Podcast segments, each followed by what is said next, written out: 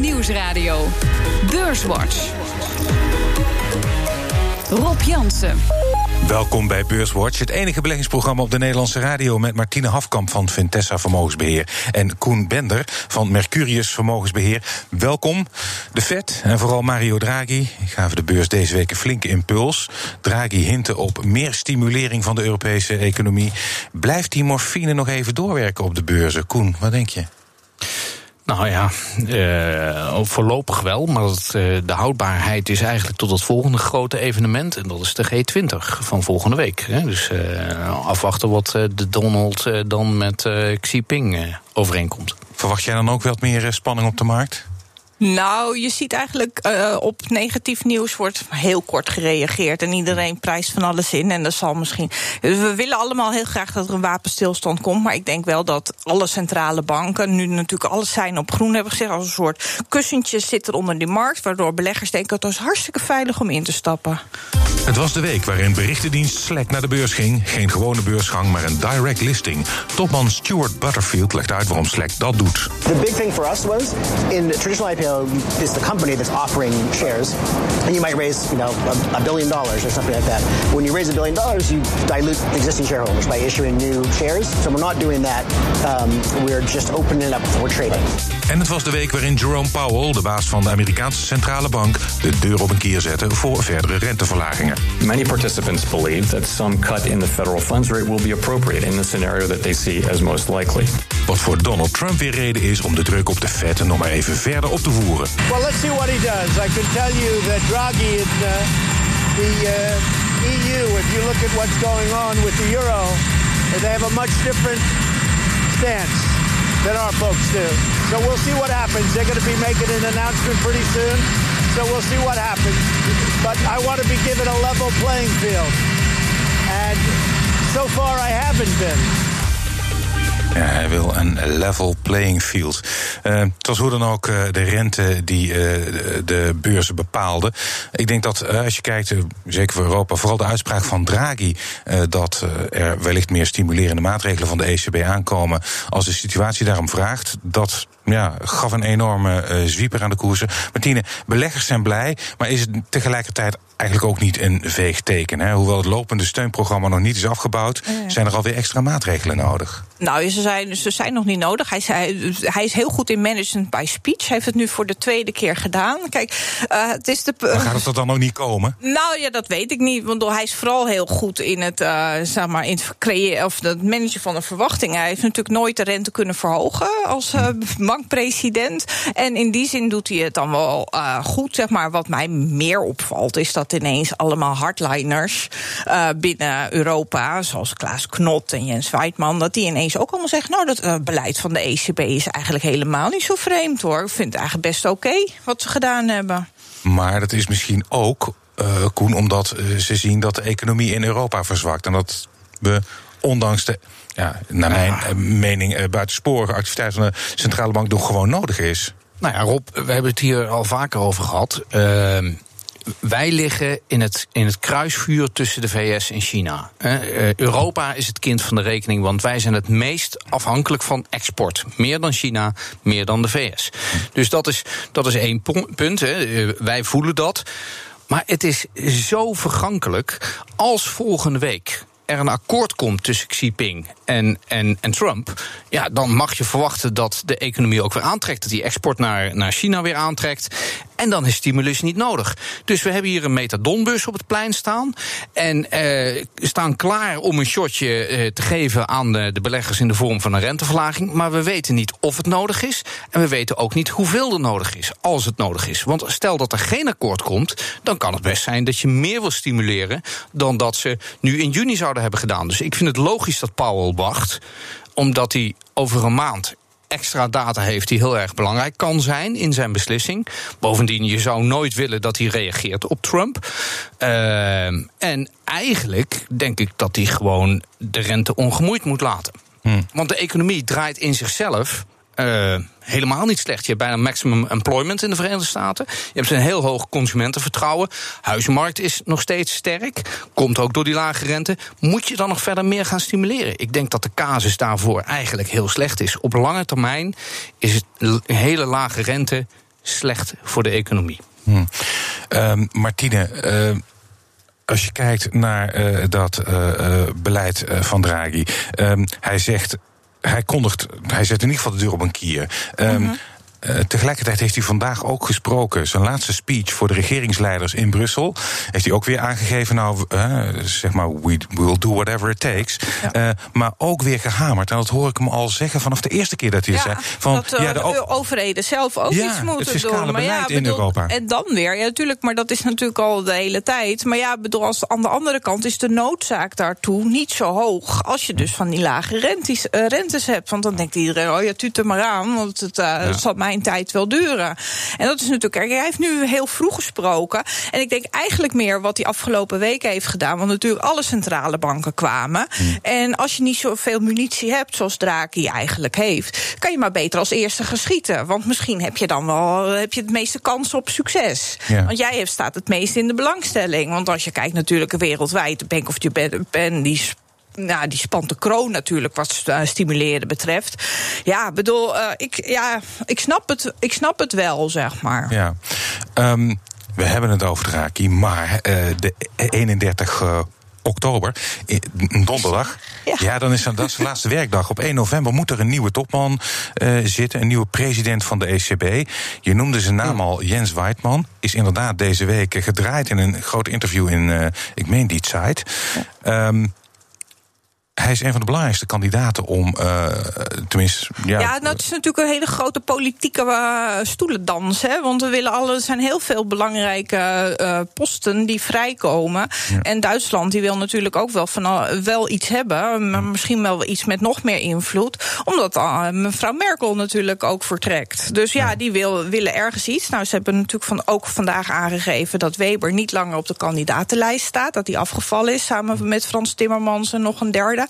Dus ja, bedoel, dan zal het spel weer harder gespeeld worden voor die ECB. Maar ja, bedoel, er zitten nog een paar anderen op het uh, vinkentouw die ook heel graag willen. En misschien wordt het wel gewoon dan iets politiek iets minder uh, gevoelig liggende persoon. Dat kan natuurlijk zomaar dat het een Fin wordt.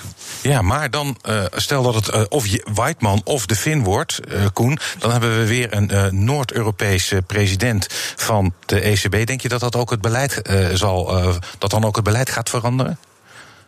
Ja, dat vind ik, vind ik wat vroeg om daarop uh, te speculeren. Uh, de ECB is natuurlijk een orgaan dat uh, meerdere kandidaten heeft, net zoals de FED, die met elkaar uh, uh, het beleid maken. Maar er is één gezicht wat naar buiten treedt. We zijn met z'n zeventien. Dus ja. ja, kijk, uh, die man moet ook weer vertrouwen gaan wekken. En dan krijg je zo'nzelfde situatie als dat we eigenlijk met Powell hebben gehad. Hè. Het afgelopen jaar was het toch een beetje lastig communiceren. Hij zei dingen in oktober waarvan we niet helemaal precies wisten wat hij bedoelde. Die hele markt die, die werd daar nerveus van. Dat krijg je straks met de opvolger van Draghi ook. En ik hoor jou net 31 uh, uh, oktober zeggen. En ik denk, verhip. 31 oktober, dat is toch ook het moment waarop de Britten uh, hun harde brexit gaan hebben. Dat wordt een aardige binnenkomen voor de nieuwe ECB-president. Dus, uh, nou, uh, daarom denk ik ook dat ze hem wel voor die tijd wel ah, bekend willen ach, hebben. Natuurlijk. Laten we, laten we van die witte broodsweken maar witte broodsuren maken met de ECB-president. Want die kan meteen aan de bak. Ja, ja, dat zal misschien ook nog wel de nodige volatiliteit geven dan. Nou, dat is alleen maar mooi als er een beetje volatiliteit ja. in de markt komt. Ja. En nog even kort, gaat ook over geld, maar gelinkt aan bedrijven, namelijk Facebook. Die komt met een eigen cryptomunt, de Libra. En alle Facebook-gebruikers kunnen die munt, munt wereldwijd gebruiken. Dat allemaal buiten toezichthouders, zoals de Fed en de ECB. Um, lijkt mij ook het einde van uh, allerlei. Mm, ik weet niet of je daar helemaal gelijk in hebt. Nee, nee, het is nee want er is wel degelijk een vergunning aangevraagd. In, in Ierland. In ja, er zijn vergunningen aangevraagd. Volgens mij heeft ook de FED. De FED heeft ernaar gekeken. Ja. Ze hebben een rondje langs alle centrale banken gemaakt voordat dit gelanceerd werd. Maar ze maar mogen niet geldcreërend zijn. Hè? Het is gewoon nee, uitwisselen nee. van. Uh, in eerste instantie wordt het dan uh, dat je al elkaar geld kan overmaken, zeg ja. maar. Als het allemaal doorgaat. Maar ook de, de, zeg maar, er zit alweer heel veel hakken in het zand natuurlijk. Van, van Frankrijk. De, er komt alweer een hoorzitting in het congres ja. maanden gaan staan. Dat gaat hm. natuurlijk allemaal maar, over privacy. Hè? Ja. Nou maar dat hebben ze. Ik was ook heel sceptisch. Hè, want je moet er niet aan denken dat uh, Mark Zuckerberg de, de centrale bankier van de cryptocurrencies wordt. Dat beeld dat, werd een beetje gezet ja, dat, in de media. Ik heb, er, ik heb er dieper naar gekeken ze hebben hier goed over nagedacht. Het wordt apart gezet in een aparte foundation. Er zitten een aantal hele grote bedrijven: uh, Mastercard, Visa, Booking, uh, Vodafone zitten er hm. allemaal achter. En. Uh, privacy is helemaal apart gezet. Dat, dat is geen issue. En wat het gaat doen is Kijk, de huidige crypto's zijn natuurlijk gigantisch fluctuerend. Als ik tegen jou zeg, ik ga een bitcoins wat eh, betalen... hoeveel krijg je dan in harde dollars? Dat kan van de ene op de andere dag zomaar 10, 20 procent variëren. Dus je gaat mij niks verkopen, want je weet niet wat het waard gaat zijn. Deze munt gaat steeds die gaat veel stabieler worden. En bovendien, 1,7 miljard mensen in de wereld die geen bankrekening hebben, maar die wel toegang hebben tot Facebook en tot Messenger en waarschijnlijk wel een mobiele telefoon hebben, die dus straks wel gaan banken. En dat vind ik wel een heel groot punt, waarvan het merendeel van die 1,7 miljard zijn volwassen vrouwen in opkomende landen. Eh, vind jij het voor beleggers van Facebook, en aandeelhouders, een goede move dat ze dit doen? Dan zeg je van nou, het gaat misschien voor de. Ze nou, gaan natuurlijk weer veel data verzamelen. Tuurlijk, nog meer data. Dus dat zie ik wel. Uh, ja, nou voor Facebook zal dat heel, uh, bedoel, heel lucratief zijn. Dat is niet zo moeilijk.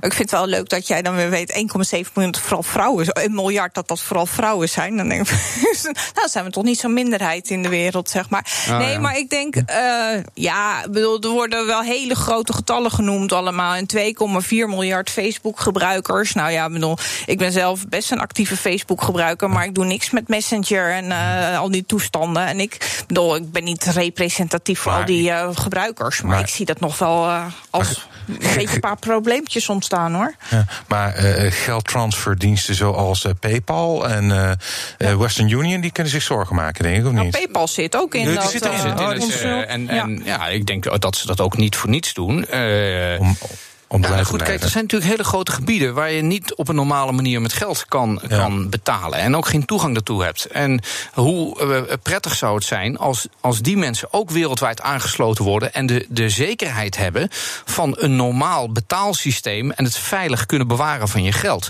En dat kan dit wel gaan bieden. En dat met name in onderontwikkelde landen. Dus het heeft zeker potentieel. Zometeen praten we verder over beurs en economie. Onder andere over de opmerkelijke beursgang van Fastnet. BNR Nieuwsradio. BNR Beurswatch. We bespreken de belangrijkste beursontwikkelingen van deze week. En dat doe ik met Martine Hafkamp van Vintessa Vermogensbeheer... en Koen Bender van Mercurius Vermogensbeheer. Maar eerst maken we de balans op van de afgelopen week. Daar AEX die sloot vandaag op 562,4 punten. Dat is 1,7% hoger dan vorige week. Stijgers. Op 1. ArcelorMittal kreeg er deze week 4,7% eh, bij. Vorige week ook al ruim 8% Op 2. IMCD met een plus van 4,6% En op 3. Aalberts Industries met ook 4,6% stijging in de week tijd. En in de midcap deed TomTom Tom het best met een plus van 9,9 Dalers. Dalers. Op 1. Adyen met een min van 2,8% Op 2. Rodamco. Unibuy Rodamco Westfield moet ik zeggen, min 1,3% En ASR op 3 met een min van van 1,2% op weekbasis. En in de midcap was deze week de grootste daler Air France KLM met een min van 6,1%. En AX is deze week drie van de vijf handelsdagen hoger gesloten. Um, ik wil beginnen, aftrappen met de, de opmerkelijkste beursgang van dit jaar, denk ik wel, sowieso. Uh, van een paar jaar wel. Van een paar jaar misschien wel, ja. We hebben het natuurlijk over Fastnet. Het bedrijf dat stations met laadpalen aanlegt voor elektrische auto's. Zou vandaag nieuwe aandelen plaatsen op Euronext. Is niet gebeurd.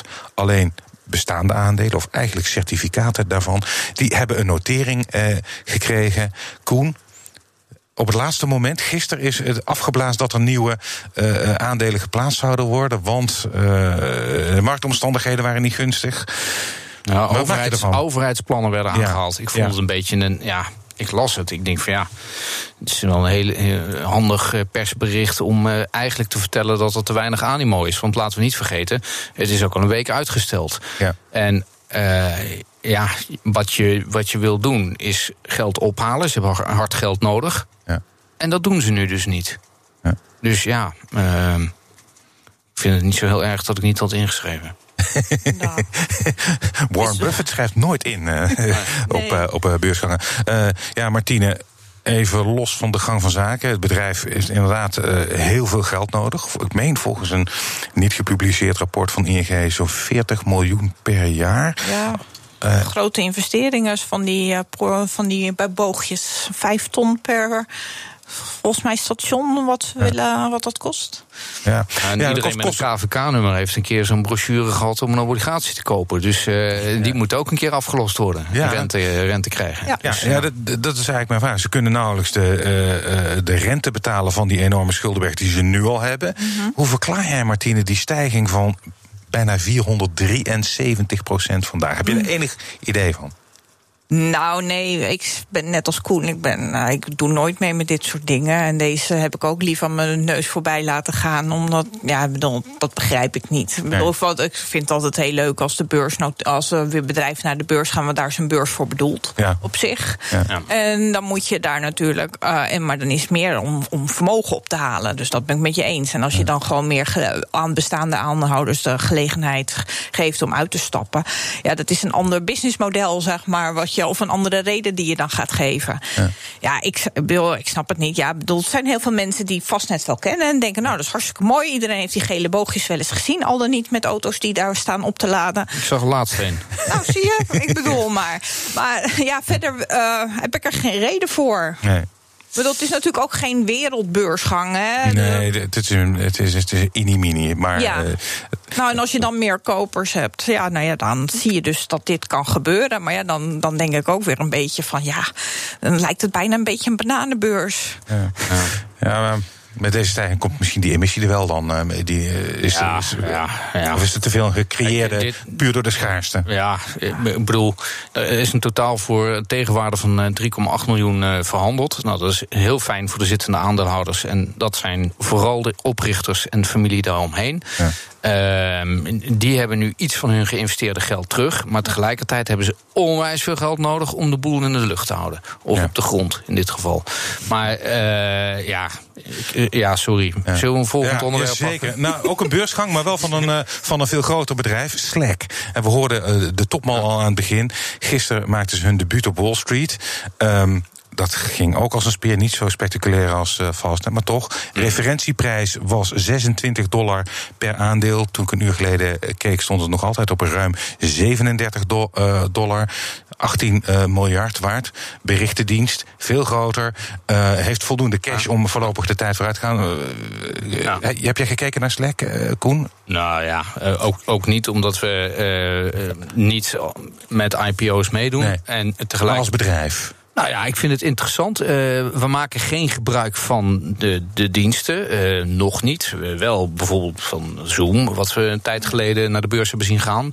Dus ik vind zeker wel dat je het als Hier ondernemer. Op de gebruiken wij Slack, moet ik ja, Oké, okay, nou ja, goed. Kijk, als ondernemer moet je zeker, en als bedrijf moet je zeker dit soort ontwikkelingen in de gaten houden. ik vind het interessant dat ze puur zeggen van goh, we hebben geen geld nodig. we hebben wel een notering. Dat is logisch, want je wil kennis maken met de kapitaalmarkt en tegelijkertijd je personeel de mogelijkheid geven om uh, te profiteren van hun toegenomen vermogen, waar ze wel belasting over moeten betalen. Dat hebben we deze week natuurlijk ook gezien bij Adyen, een jaar geleden naar de beurs gegaan. Heel veel mensen, tot en met de koffiedame, een miljonair geworden, maar je moet er wel belasting over betalen. Dus dan is het ook fijn als je daar wat van kan afstoten en je vermogen breder kan beleggen dan alleen in één aandeel. Uh, zie dat zie je bij Slack ook. Van dat, ja, ja, ja, maar goed, dat zie je bij Slack ook gebeuren. Ja. Nou, dat is, dat is alleen maar goed. En, en uh, wat Martine net ook zei, het is alleen maar goed als meer bedrijven naar de kapitaalmarkt gaan. Dat is, hm. dat, daar is niks mis mee. Ja, de manier waarop was ook opmerkelijk. Uh, daar, daar ging de topman aan het begin van de uitzending ook op in. Direct listing. Mm -hmm. Dat is uh, eigenlijk zonder uh, veel zakenbanken. Wordt dat een nieuwe trend, denk jij, bij bedrijven, Martine? Nou, ik denk bij die techbedrijven zeker. We hebben het natuurlijk al eerder gezien. Vorig jaar ook met Spotify. Ja. Heeft het op dezelfde manier gedaan. ja, bedoel, ik denk behalve de, zeg maar, de eerste instappers van het eerste uur... een partij als Softbank kan natuurlijk ook wel weer een deel gaan cashen. Dat is ja. natuurlijk uh, een iets grotere partij. Ja, natuurlijk, het is, uh, maar, bedoel, het is een beetje aftasten. Bedoel, voor, volgens mij stond er gisteren zelfs 42 dollar op een gegeven moment. Uh, dus ja, het, bedoel, ja, ik denk wel dat het een trend... Je ziet het natuurlijk in heel veel meer dingen. Hè, dat is traditionele bankwezen, we hadden het over die Libra. Maar bedoel, dat is natuurlijk ook de angst voor het traditionele bankwezen. En het, dat is dit ook weer. Het hoort ook bij deze ondernemers. Ja. Van zij doen iets wat disruptief is. Hm. En ze hebben dus eh, scheidt aan de hele wereld. Ja. Ja, nou, je weet ik dus niet of ook, ja, hoe disruptief spreken, Slack is, dat weet ik dan weer niet. Want op zich Nee, hebben ze ook wel weer van Microsoft Teams hebben ze ook enorme concurrentie. Maar dat geeft Tuurlijk, niet. maar ze beginnen met Precies. iets nieuws en ze gaan een nieuw pad op. Ze zijn settlers, ja, net zoals dat Spotify dat doet en anderen. En die denken dus ook van, nou, ja, waarom heb ik zo'n bank eigenlijk nodig? Die stellen hele eh, down-to-earth vragen. Ja, En dat doen ze dus ja. zonder bank. Nou, prima, dat blijkt dus ook te kunnen. Nou, Nou, sommige bedrijven vinden het wel fijn dat zo'n zakenbank dan na zo'n introductie... Ja, dat hij het een beetje ja, inmasseert ja, en voorwerk doet en En maar- roodshowtjes. eh, ja. ja, ik bedoel, in deze markt waar iedereen dus... wat je wel een beetje ziet natuurlijk is met al die IPO's... is dat het wel echt gretig afgenomen wordt, het merendeel. Dus ja, dan heb je ook een beetje tij mee waarin het wel past... dat, dat je ook denkt van, nou ja, die zakenbanken doen ook niet zoveel voor het, je. het is natuurlijk ook een heel ander verhaal als je echt geld nodig Ja. hebt om te gaan groeien. Maar dat heeft Slack niet nodig. En je zegt het wordt gewaardeerd op 17 miljard. Maar hoeveel aandelen hebben ze naar de beurs gebracht? Slechts een klein deel daarvan. Dus je afbreukrisico is niet zo heel erg groot. Dus ja, dan kun je het ook op deze manier doen. Ja, waarom zou, je- ja, oké, waarom zou je het dan inderdaad met Goldman Sachs doen? Of met eh, JP Morgan? Ja, eh, als je het ook zonder kan. Nou, Ik zag nog een belang, eh, opmerkelijk bericht vandaag eh, ook voorbij komen over Naspers, een Zuid-Amerikaans Die heeft bedrijf. het uitgesteld. Die had, Ja. een, een, eh, die had een, een beetje slordigheidje met namen en adressen... wat allemaal door elkaar ging aan aandeelhouders... waardoor de aandeelhoudersvergadering nu niet plaats kan vinden... waarin die beursnotering eh, tot eh, besproken zou worden. Dus het is uitgesteld naar eind augustus. Ja, Ja, hoe labels- je dat nou weer voor elkaar krijgt... En labels verkeerd Ja, ge- gedrukt. ja, en dat ja. notabene voor een bedrijf dat in, de- in, Ja. hè, zijn In de oorsprong kent in de, in, de, in, in, in de kranten en in het versturen daarvan. Maar ja, wel een beetje ja, pijnlijk verhaal. Ja. Ja. Eindelijk verhaal. Ja, en als ze komen naar Euronext, Nou, kijk, je hebt nu ook een- weer het tij mee. Dus het, op zich is het ook heel klunzig. Want zeg maar, in deze, bedoel, je weet niet, maar het kan zo weer veranderen. Dat hebben we al een paar keer gezien natuurlijk. Ja, ze komen nu in september. Ja, eh, dicht tegen die 31 oktober aan. God weet wat. Ja, eh, ik denk dat ze, ja, remember to come back in september. Hè? Dat, Dat eh, hebben ze wel heel letterlijk wel. opgepast. opgepakt. Ja, dus we zijn alweer aan het einde van de uitzending. En dan vraag ik altijd naar een tip voor de luisteraar. Martine, wat is jouw tip voor de luisteraar om in te beleggen? In mooi Nederlands uh, uitgesproken Uh, dat is natuurlijk een, grote, een van de grootste waterzuivering, schoonmaakbedrijven ter wereld. Zitten echt in het meest duurzame van activiteiten die er, te, uh, die denkbaar zijn. Bill Gates zit er ook groot in. Uh, het is een heel stabiel businessmodel met heel veel repeterende inkomsten. En juist met die trend van steeds meer dat je moet ook investeren in duurzaamheid, uh, denk ik, nou, dat is een heel mooi bedrijf. Is echt gewoon heel stabiel te, een dividendaristocraat. Al 22 jaar onafgebroken dividend uitbetaald. Ze hebben het net weer voor de 27ste keer verhoogd in december. Dat is gewoon, bedoel, het is, wordt niet een spectaculaire groeier dat je daar tientallen procenten koerswinst hebt. Maar als je dan verwacht al die onzekerheden en wat meer volatiliteit op de beurs, is dit wel zo'n bedrijf wat heel mooi past in een gespreide portefeuille. Ecolab. Koen. Nou, ik, heb, ik heb een tip uh, daaromheen. En komende donderdag uh, een webinar samen met Jim en, en Nico... waar we ieder drie tips moeten geven. Dus ja. mijn tip is eigenlijk negen tips in één keer. Luister donderdag naar dat DFT-webinar van BNP Paribas onder andere. Wel de concurrent, dan, hè? Uh, maar goed, zonder gekheid op een stokje. Ehm, ja, ik heb een warme voorliefde voor houtselmaatschappijen. Eh, vorige keer heb ik eind, eind mei wel, heb ik Alibaba genoemd. ik ga nu naar onze zuiderburen naar België. Sofina, eh, Bel 20 genoteerd bedrijf. Vergelijkbaar min of meer in de structuur met Hal uit Nederland. Alleen totaal andere bedrijven. Uh, ze hebben uh, een, tikje gehad omdat een van hun grotere belangen... dat ze wel aan het afbouwen zijn, is uh, Colruyt Supermarkt. En die heeft afgelopen week 15% van zijn koers verloren. Dus Sofina nu even in, in de aanbieding. En wat koop je met Sofina? Ook heel veel niet beursgenoteerde bedrijven. En onder andere hebben zij heel veel posities in bedrijven die naar de beurs gaan. Of zijn gegaan. Zo hebben ze onder andere via via meegedaan met Uber, in het verleden met WhatsApp, met Snapchat. Ze gaan dit jaar nog, of nou ja, die, die beursgang is een beetje uitgesteld, met Postmates meedoen. Dat is een bezorgdienst in de Verenigde Staten. Dus een onwijs mooi gespreide portefeuille die je koopt met allerlei onderliggende bedrijven die uh, heel veel groeipotentieel hebben. En dat tegen uh, een, een waardering die onder de optelsom is van alle individuele belangen. Dus Sofina in België, uh, Bel 20 genoteerd. Hartelijk dank. Koen Bender van uh, Mercurius Vermogensbeheer en Martine Hafkamp van Vintessa Vermogensbeheer. Dit was Beurswatch en als u wilt reageren dan kunt u een mail sturen naar beurswatch.bnr.nl of tweeten naar Rob Terugluisteren kan via de site, de app, iTunes of Spotify. En graag tot volgende week.